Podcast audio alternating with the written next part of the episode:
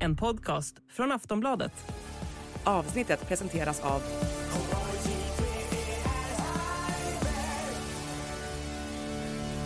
Stödlinjen.se, åldersgräns 18 år. Hej och välkommen till Åsiktskorridoren, en podd från Aftonbladet Ledare. Idag har vi diskuterat varför vi pratar så mycket om Liberalerna i Sverige och vad problemet med det är och varför vi pratar så lite om Kristdemokraterna. Välkommen! En podcast från Aftonbladet Ledare.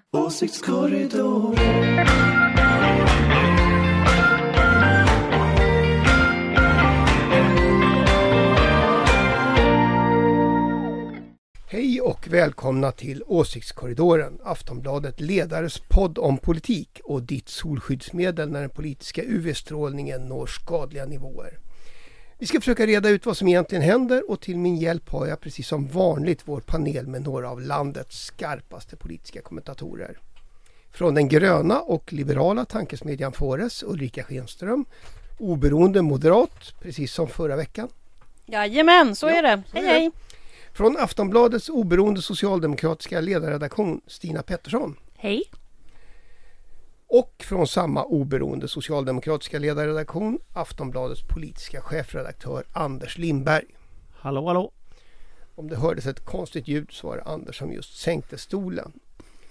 Eh, själv heter jag Ingvar Persson och skriver till vardagsledare i Aftonbladet. Eh, I den här podden är det dock min uppgift att ställa frågorna och det tänkte jag börja med direkt. Eh, vi ska börja utomlands, i Turkiet. Experter på landet menar ju att valet i söndag ser ut att sluta med att Erdogan sitter kvar som president trots ekonomisk kris och en illa skött jordbävning. Vi kan diskutera varför, men jag undrar framförallt hur kommer Sverige att påverkas? Anders? Ja, det här var väl lite det värsta som kunde hända, att det är liksom en osäker situation. Eh, och sen så ser det ju nu ut som att Erdogan och hans eh, stödpartier får majoritet i, i parlamentet. Eh, så vad vi än gör så kommer han att kontrollera NATO-processen oavsett om han vinner eller förlorar. Eh, och just nu så, så, så blir det en andra valomgång den 28 maj. Eh, om jag skulle få gissa så kommer ju Erdogan att se till att han vinner. För jag tror inte han kommer att vilja ge sig. Men ja, det återstår ju att se eh, än så länge. Det är ju inte ett fritt och rättvist val i någon slags normal mening av uttrycket. Så att, så att vi får väl se om han låter sig röstas bort.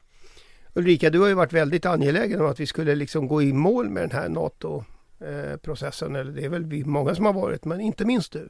Hur tänker du nu? Nej, men det är klart att jag är stressad över det här. Jag tänker eh, vi kanske inte får gå med och sen så har vi ju eh, under 2024 ett antal val, särskilt ett stort val i USA. Och eh, det ser ju ut som det är en herr Trump som kanske tar över det där igen. Och eh, har vi då inte gått med i NATO så är det ju ändå en ganska bräcklig situation som vi hamnar i efter det. Stina? Um, nej men liknande oro såklart. Och um, synd om oss men också synd om Turkiet kanske. Som hade förtjänat ett lite mer välorganiserat val. Eller Ja. mindre fusk i alla fall. Ja, men är det, är det liksom dags att ge upp eh, medlemskap till eh, Vilnius toppmötet, Anders? Nej det är det inte. Alltså Vilnius-toppmötet är ju mitten av juli och det är ju det som alla så att säga siktar på nu. Eh, det är klart att trycket på Turkiet efter valet kommer att bli väldigt stort från övriga, övriga eh, medlemmar i NATO. Eh, så nej, det är inte, det finns ingen anledning att ge upp än. Eh, däremot så är det klart att de här två veckorna skjuts ju då hela processen ytterligare två veckor upp med en andra valomgång. Så att, så att risken är nog att vi ska nog börja räkna med att vi kanske inte kommer att vara med förrän 2024. Och, och eh, i det läget så hamnar vi ju rakt in i det amerikanska presidentvalet som Ulrika säger. Så, så att det är klart att det här, det är inget bra men å andra sidan eh, det, det är så det är. Eh, vi sitter där vi sitter. Vi kan liksom inte göra något mycket åt det här åt något håll just nu. Fast läge och vi får vänta in nästa val kort sagt. Vi får vänta in nästa val i Turkiet och sen får vi se vilket tryck som andra NATO-medlemmar kan sätta på Turkiet. Det är liksom det, är det vi har. Vi har inte så mycket att spela med. Regeringen kan inte göra så mycket mer än den har gjort och liksom, ja, vi står där vi står. Vi lär få återkomma till det här, det har jag en svag känsla av. Ehm, Vi tar en kort paus men vi är alldeles strax tillbaka. Hey, I'm Ryan Reynolds. At Mint Mobile, we like to do the opposite of what Big Wireless does. They charge you a lot, we charge you a little. So naturally, when they announced they'd be raising their prices due to inflation, we decided to deflate our prices due to not hating you. That's right. We're cutting the price of Mint Unlimited from $30 a month to just $15 a month. Give it a try at mintmobile.com slash switch. $45 upfront for three months plus taxes and fees. Promo rate for new customers for limited time. Unlimited more than 40 gigabytes per month. Slows. Full terms at mintmobile.com.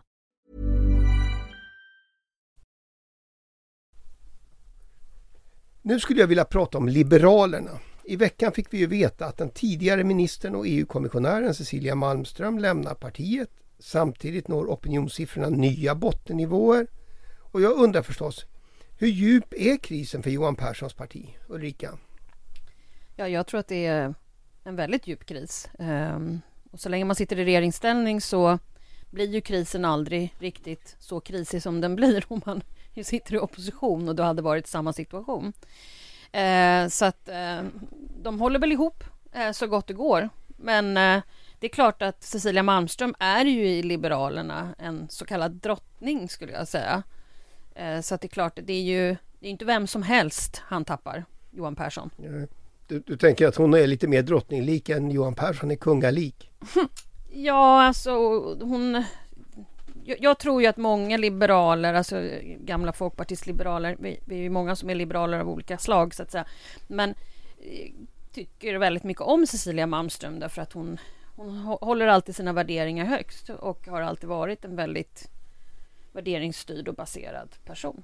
Mm. Jag, kan inte, jag kan inte låta bli, alltså, hon är också från Göteborg. Eh, är det här liksom västkustliberalismen som, som lämnar alltihopa Anders? Eftersom du också är det. Är han liberal? Nej, Västkustliberal är jag inte. Men, men alltså jag tror ju att det är socialliberalismen är det väl som gör någon form av exit här. Och, och det är ju också frågan om vad det betyder. För att det är klart Bengt Westerberg har lämnat in innan. Eh, och, och överhuvudtaget den liksom lite mera mänskliga formen av folkparti som det ändå fanns historiskt. Den försvinner ju nu. Så då är liksom frågan, finns den kvar bland väljarna? Finns det en efterfrågan på ett socialliberalt parti i Sverige? Eh, det borde ju göra det. En ganska stor grupp människor är mitten, mittenväljare och, och kanske hamnar hos Centerpartiet i det här läget. Men, men den här gamla frågan, vad är poängen med Liberalerna? Den har ju till slut inget svar alls. Alltså poängen med Liberalerna är att, att Johan Persson ska vara för euron just nu. Och det är föredömligt naturligtvis och hur, men, men... Och, hur ska han tackla då den kommande debatten som bland annat Jimmy Åkesson var ute med idag i Expressen där han ju pratar om att hans väljare ju är för en Swexit och där har vi ju diskuterat i den här podden tidigare där Sverigedemokraterna hela tiden återhänvisade till att man bara vill göra en utredning om, om medlemskapet. Eh, Men nu vänder de ju och ja, så att, vill bara säga det att vad var det jag sa? Mm. Men, men jag tror att, jag tror att det finns, jag tror det är ganska, alltså, jag tror att Liberalerna inte ska underskatta hur eh, så här, SDs nationalism spelar roll när det kommer till en sån sak som en e EU-fråga. Alltså vi ser i Ungern, vi ser i Polen hur nationalistisk politik stöter på patrull från Bryssel.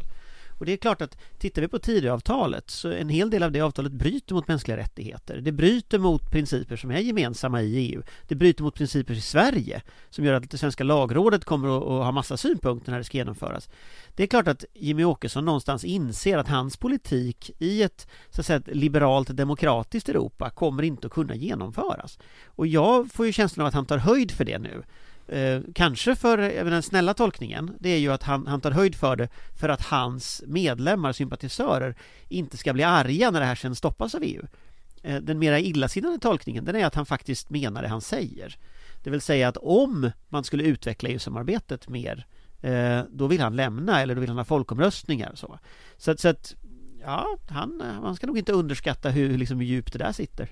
Men hur, alltså är, det, är, det, är det samarbetet med Tidöpartiet, alltså inom Tidöavtalet, som är eh, Liberalernas grundproblem, eh, Stina? Det är väl det, eller det känns väl väldigt förnedrande för de som parti som tidigare har sett sig själva som dels liksom borgerlighetens intellektuella um, och det är väl tveksamt om det är så många andra som ser dem som det just nu.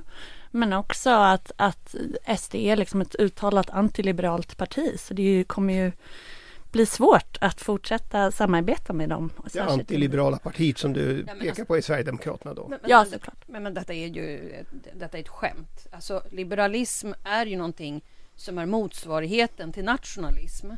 Så att, att redan från början komma på idén att detta är en... motsatsen. Ja, ja, men ni fattar. Ni hänger med, eller hänger med. hur? Ja, ni fattar. Det, det, det är ju helt barockt att komma på idén att göra upp med dem. Så det, du tänker att om man liksom har ersatt eh, folkpartism med någon sorts folklighet och så har man försökt göra upp det här och så blir liksom Nej, jag tror bara att jag läste någonstans att man trodde att man skulle gå upp i opinionen om man gjorde upp med nationalisterna. Men det kunde vi ju ha talat om för dem från men, början. Men, men det finns ju en ganska intressant idémässig konflikt här. Alltså, alltså liberalism ska ju stå för frihet, det ska ju stå för individualism, det ska ju stå för människans möjlighet att göra egna val. Här, här är Sverigedemokraterna ett parti som är kollektivister som vill eh, ha politiska kommissarier som ska styra vilken kultur du får kommunicera, som du får konsumera eh, som, som absolut inte är för frihet utan är för att liksom nationen ska sättas främst i någon slags Sverigedemokratisk begreppsvärld. Så, så det finns ju verkligen en, en, en, en idémässig konflikt som är otroligt djup och hur de här liberalerna som ändå har varit liberaler hela sitt liv löser det liksom i sitt eget huvud. Det, det tycker jag är svårt att förstå faktiskt. Men stämningen verkar ju inte vara alldeles eh, på topp mellan de här Ja, båda fast, partierna. fast, första gången Johan Persson blir arg Det är när Jimmy Åkesson pratar om EU Sen blev han lite arg på det här med drag queens så Det var, det var, Det var väldigt roligt. Det var Mm. väldigt upplyftande Så man ser ju att det finns ju någon slags liberalism där de har skrapat lite Men det mesta har ju försvunnit eh, Och liksom frågan är ju då, som jag sa, vad är poängen med Folkpartiet? Alltså va, va, varför ska man finnas om man inte står för snart någonting av det man stod för? Och som du sa Ulrika, att det är också ett, att eh, om man satsar på att det blir ett folkligt parti så har ju Folkpartiet aldrig varit särskilt bra på folklighet. Alltså Göran Persson är kanske deras mest folkliga ledare Ja, liksom utstrålning. Exakt. Men jag menar, det verkar inte heller gå hem toppen bra. The barbecue guy. Ja, Översätt inte det till engelska Visst är det roligt att översätta det till engelska? Det blir så otroligt skojigt. men hörni, eh, om vi kommer man väl att tänka på liksom söndag eftermiddagar i, i villaträdgården kanske. Absolut, man är där. Eh, men, men vad är framtiden för Liberalerna då? Alltså finns det någon sån framtid eller är det här det sista? Ja, jag har svårt att se hur de ska klara det här. Det är ju om de får igenom en massa liberala förslag. Ser du något tecken på det? Nej. Nej. Men, men alltså det finns inte två vägar. Alltså den ena vägen är väl att Johan Persson faktiskt har förankring i sitt parti. Att han kör det här liksom över kanten. Och i så fall kan ju Liberalerna hamna i det fascinerande läget att EU-valet blir en fullständig katastrof. eh, För partiet. Eh, Det är ju inte alls otänkbart. Och då testas ju det naturligtvis. Men sen är ju också den liberala riksdagsgruppen. Hur många av dem kommer att acceptera det här i längden? Det blir ju skojigt att se. Eh, liksom menade de allvar under alla år eller, eller liksom eh, är är det här liksom någon slags teater bara och nu anpassar de sig som ett maktparti liksom? Det är det de har anklagat sossarna för i alla år, var ett maktparti utan ideal liksom. Nu blir Folkpartiet sossarna liksom.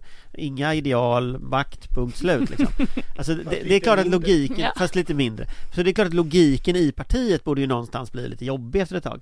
Det är den ena vägen, att han, han håller det här och så kör de över stupet. Andra vägen är väl att vi får se det vi brukar se i Liberalerna. Små glada pigga uppror. Regionalt, lokalt och i riksdagsgruppen. Och för min del hoppas jag ju på det. Eh, Och Cecilia Malmström kanske, ja, det är väl liksom ett tecken på att partiet inte mår helt bra. Hon är ju inte heller den första som drar. Men nu gjorde hon ju inte något upprop utan eh, Än så Ja, länge. eh, Men om, om Johan Persson inte hade varit minister, hade han kunnat sitta kvar då, Stina? Oj, jättesvårt. Vem skulle ta över? Alltså, jag känner också att en stor grej med att alla de här stora profilerna har liksom lämnat är ju att um, och hur, han blev, hur Johan Persson blev tillsatt är väl att man har inte jättemycket att välja mellan. Eller? Kanske kaxigt att säga. Vad tänker du Ulrika? Alltså hade han inte suttit i regeringsställning så hade han haft väldigt svårt att sitta kvar. Och då hade antagligen den andra eh, falangen från vägvalet kanske fått möjlighet att ta över. Och då hade väl kanske Cecilia Malmström varit en alldeles utmärkt partiledare. Om inte om hade varit så hade saker varit annorlunda. Eh, vi får fortsätta följa Liberalernas eh, framtid. Eh, det finns ju fler saker att prata om nämligen. Jag tänkte vi skulle ta upp en av de andra nyheterna som kom i veckan. Ursäkta mig. eh, elitskolan Campus Manilla. Eh, eleverna som, om jag förstår saken rätt, är barn till landets rika och mäktiga har avslöjats som flitiga fuskare. Eh, och skolan verkar ta både det och anklagelser om glädjebetyg med en rätt eh, upphöjd axelryckning om jag har, har tolkat signalerna rätt. Är det här vad vi borde ha väntat oss Stina? Mm, alltså mitt problem med överklassen är inte att deras barn skulle vara extremt mycket elaka eller busiga än andra barn. Alltså barn ska ju få göra fel. Men i skolan ska man ju lära sig vad som är rätt. Så det som är mest upprörande med det här är väl att Campus Manilla som du säger inte verkar reagera särskilt mycket på det. Men också att det liksom tecken på ett svenskt skolsystem i förfall. Att barnen fuskar och eh, skolorna fuskar och ger glädjebetyg och man har inte längre ett betygssystem som fungerar. Att, att eh, Handelshögskolan till exempel måste, eller flaggar för att de kanske måste införa egna prov för att man inte kan lita på betyg längre.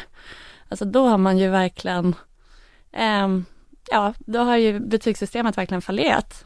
Alltså, Barnen på Manilla är väl en sak, men det är ju någonting som är djupt fel i, i systemet. Liksom. Ulrika?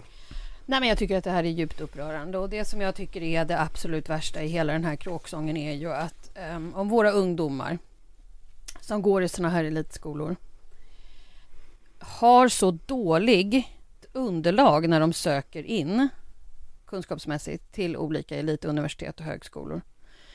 Vad gör det för ledarskap i framtiden med de här? När de, för att de förutsätts ju då bli företagsledare eller till och med skulle kunna bli politiker. Jag är orolig för att de tar med sig de här värderingarna, att man fusk, fuskar sig igenom saker. Hur kommer de bli som ledare i framtiden om det är de här värderingarna de tar med sig? De kommer aldrig föregå med gott exempel och de kanske fuskar, fuskar sig igenom allting. Och det där är fruktansvärt eh, om man tittar på i framtiden vilka, vilka företagsledare och politiker vi kommer ha. Men tror du att det är nytt? Ja, det kan jag inte svara på, men däremot så tycker jag att Handelshögskolans eh, rektor har, eh, han föreslog att man gör inträdesprov och det tror jag man ska göra för att eh, man måste ha en viss typ av nivå för att läsa vissa kurser. Det är ju självklart, annars kan vi ju lika gärna strunta i hela gymnasiet. Jag menar, om, om man inte behöver liksom göra någonting under gymnasiet utan fuska sig igenom proven för att få höga betyg fast man då inte baseras på någon kunskapsgrad. Det är ju förskräckligt och jag återgår till att jag blir väldigt, väldigt frustrerad över att man bara låter det här gå vägen och fortsätta hålla på när man förstör de här ungdomarnas värderingsbas. Mm. Det är inte så här världen ser ut och ska se ut.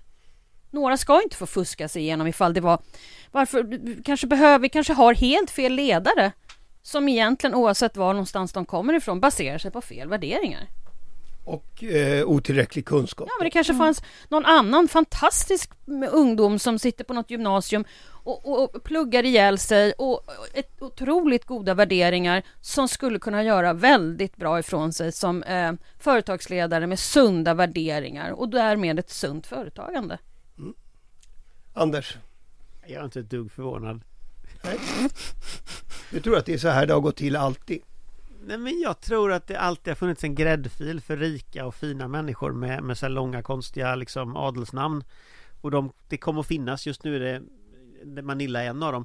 Men dra, dra upp det här sen, du har liksom Lundsbergs internatskola, du har flera andra sådana liksom liksom internat där du samlar liksom de rika och mäktiga så att de, de känner varandra. Jag skulle tro att det här är djupt korrupt från början till slut. Eh, och jag är inte alls förvånad att den här korruptionen avslöjas. Jag tror det kommer finnas massa annat som om man visste mer om de här skolorna eh, så skulle det vara ännu mer skandaler. Eh, vi, vi, har någon slags föreställning om att det är liksom det är så här förortsområden där det fuskas mycket och gangstras mycket. Jag tror att det här är tror jag på något sätt med, utan någon som helst risk att åka dit så tror jag att man, man har gjort så här hela tiden. tider. Men det är liksom så här mina, mina fördomar om överklassen. Men de verkar ju stämma. I det här fallet. Men men att det är just Handelshögskolan som reagerar. Är det som ju också... Ja, men jag tycker att det är hederligt av Handelshögskolan mm. att, att, reagera. För att jag menar, de vill bara ha elever där som, som studerar eh, som har en rätt kunskapsnivå med tanke på att de är både en forskande och, och eh, drivande högskola. Och kanske också rätt värderingar. Ja, det verkar ju som den här rektorn har rätt värderingar, det får man ju säga. Men, men är det inte bara så liksom att, att de, de, de får problem nu som många andra skolor eh, just med ämnen som matematik och den typen av så här Mm. grundläggande kunskaper att ungarna har inte det med sig till högskolan. Jag menar, Handels är inte första som har tagit upp det här med bristande kunskaper. Det, det är ganska vanligt. Sen att det är bristande kunskap på grund av fusk, visst. Men det svenska skolsystemet är ju som konstruerat för sånt här. Eh, Jag vet att många så här tekniska högskolor har varit ute och pratat innan om att det finns stora problem med att folk faktiskt inte kan grundläggande matte till exempel när de ska gå in på, på en teknisk högskola. Så jag menar, det är ju, hela skolsystemet är ju lite så här nu låter jag lite dystopisk men jag tror faktiskt att, jag tror faktiskt att svenska skolan är det värsta katastrofområdet inom välfärden som överhuvudtaget finns. Det här är bara ett extremt exempel. Ja, jag, jag tycker nästan det låter lite mer som Jan Björklund i opposition men det, det är väl en... Eh, eh, hörni, eh, tiden går. Eh, vi, vi har ett ämne från dagspolitiken till som jag inte kan låta bli att lyfta. Eh, I söndags så lät ju sig eh, Kristdemokraternas Ebba Busch till slut intervjuas i TV. Och i Aftonbladet så skrev Jonna Sima att det var första gången hon blev ordentligt grillad som makthavare. Har politiska journalister varit för snälla mot regeringen, Stina? Mm, jag tyckte att Ann Hedenmo gjorde en helt otrolig intervju och att det var kul att det var så no bullshit. Alltså så fort eh, Ebba Busch började säga saker som jag är hedrad att tjäna mitt land och eh, det här var exakt vad vi lovade och det är, för mig är det extra viktigt med intellektuell hedlighet. Så fick hon ju liksom på nöten och det var väldigt dålig stämning och det är ganska nice att se ändå tycker jag mellan journalister och politiker. Så ja, det skulle man kanske kunna säga. Det har inte varit så här innan. Ulrika, tycker du att det har varit för mycket bra stämning För mycket bra stämning. Du mellan, menar? mellan journalister och, och eh, politiker? Ja, alltså jag har ju klagat ganska många gånger på att det, ser, det är liksom, ibland så granskas det inte överhuvudtaget utan det känns som två debattörer ungefär som så här eh, Anders Lindberg och jag eller Daniel Suhonen och jag sitter och pratar lite om vilka som blir de stora frågorna i valrörelsen och så ställs liksom aldrig den här Ja, men du säger att du vill göra X, Y, Z, men hur går det ihop i din budget? Jag ser Mm. inga, det är ju bara röda siffror där. Du tänker att du och Anders Lindberg ska inte behandlas som Ebba Busch och, och Nej, men vi är eh, ju Ulf inte partiledare tack och lov, så att eh, Tack, Det tack ska vi alla vara djupt tacksamma över. ja, alla. Jag tror alla är det. Jag tror alla är det också. Ja, vet, Men, men, men jag, jag, tror ju att, jag tror att det finns en, en, eh, en förändring om man går tillbaka fyra fem år i tiden till nu där politiker faktiskt inte är vana att få den här typen av frågor. Hela valrörelsen präglades ju av att de här så kallade ansvarsutkrävande intervjuerna var i grunden ganska snälla. Det var några tillfällen SVT brände till liksom och man märkte att här har de gjort research och så men, men det är ändå ganska sällsynt idag. Och Alltså Anna Hedemo gör en helt vanlig intervju med en makthavare och får jättemycket kritik i sociala medier av höger och Sverigedemokrater för att hon gör en vanlig intervju. Eh, och det säger ju att den här maktförskjutningen har gått ganska, ganska långt. Att man inte kan ställa vanliga frågor till en politiker. Men jag menar Ebba Busch är Sveriges näst högsta politiker. Eh, som är vald eh, så. Eh, och, och jag menar, den människan måste klara av frågor. Det vanligaste man får när man skriver om, om Ebba Busch i tidningen Det är att man får mängder av mejl som säger skriv inte om Ebba Busch. Alltså, det här har blivit helt löjligt. Det är klart man ska skriva om Ebba Busch. Det är klart man ska granska Ebba Busch. Varför ska hon stå över granskning? Men politikerna har vant sig vid det här och jag tycker att det är, redaktörerna och journalisterna måste återerövra makten över liksom de här intervjuerna. Dessutom säger here. allt är toppen och att eh, det inte finns några problem i Kristdemokraterna så då kan man väl få skriva om det. Eh, det är faktiskt allt vi hinner idag. Eh, och nästa vecka blir det inte någon åsiktskorridor. Vi tar som skomakaren sa ledigt mellan hägg och syren. Eh, om två veckor ska vi i alla fall vara tillbaka och då blommar väl förhoppningsvis också syrenen. Eh, vi kommer att vara laddade till tänderna med spaningar om vad som händer i Sverige och i politiken. Missa inte det. För mig återstår bara att tacka alla som har gjort dagens podd möjlig. Tack Ulrika. Tack Stina. Och tack Anders. Och ett stort tack till dig som lyssnar. Det är för dig vi gör podden. Hej då! Hej hej! Hej! En podcast från Aftonbladet Ledare.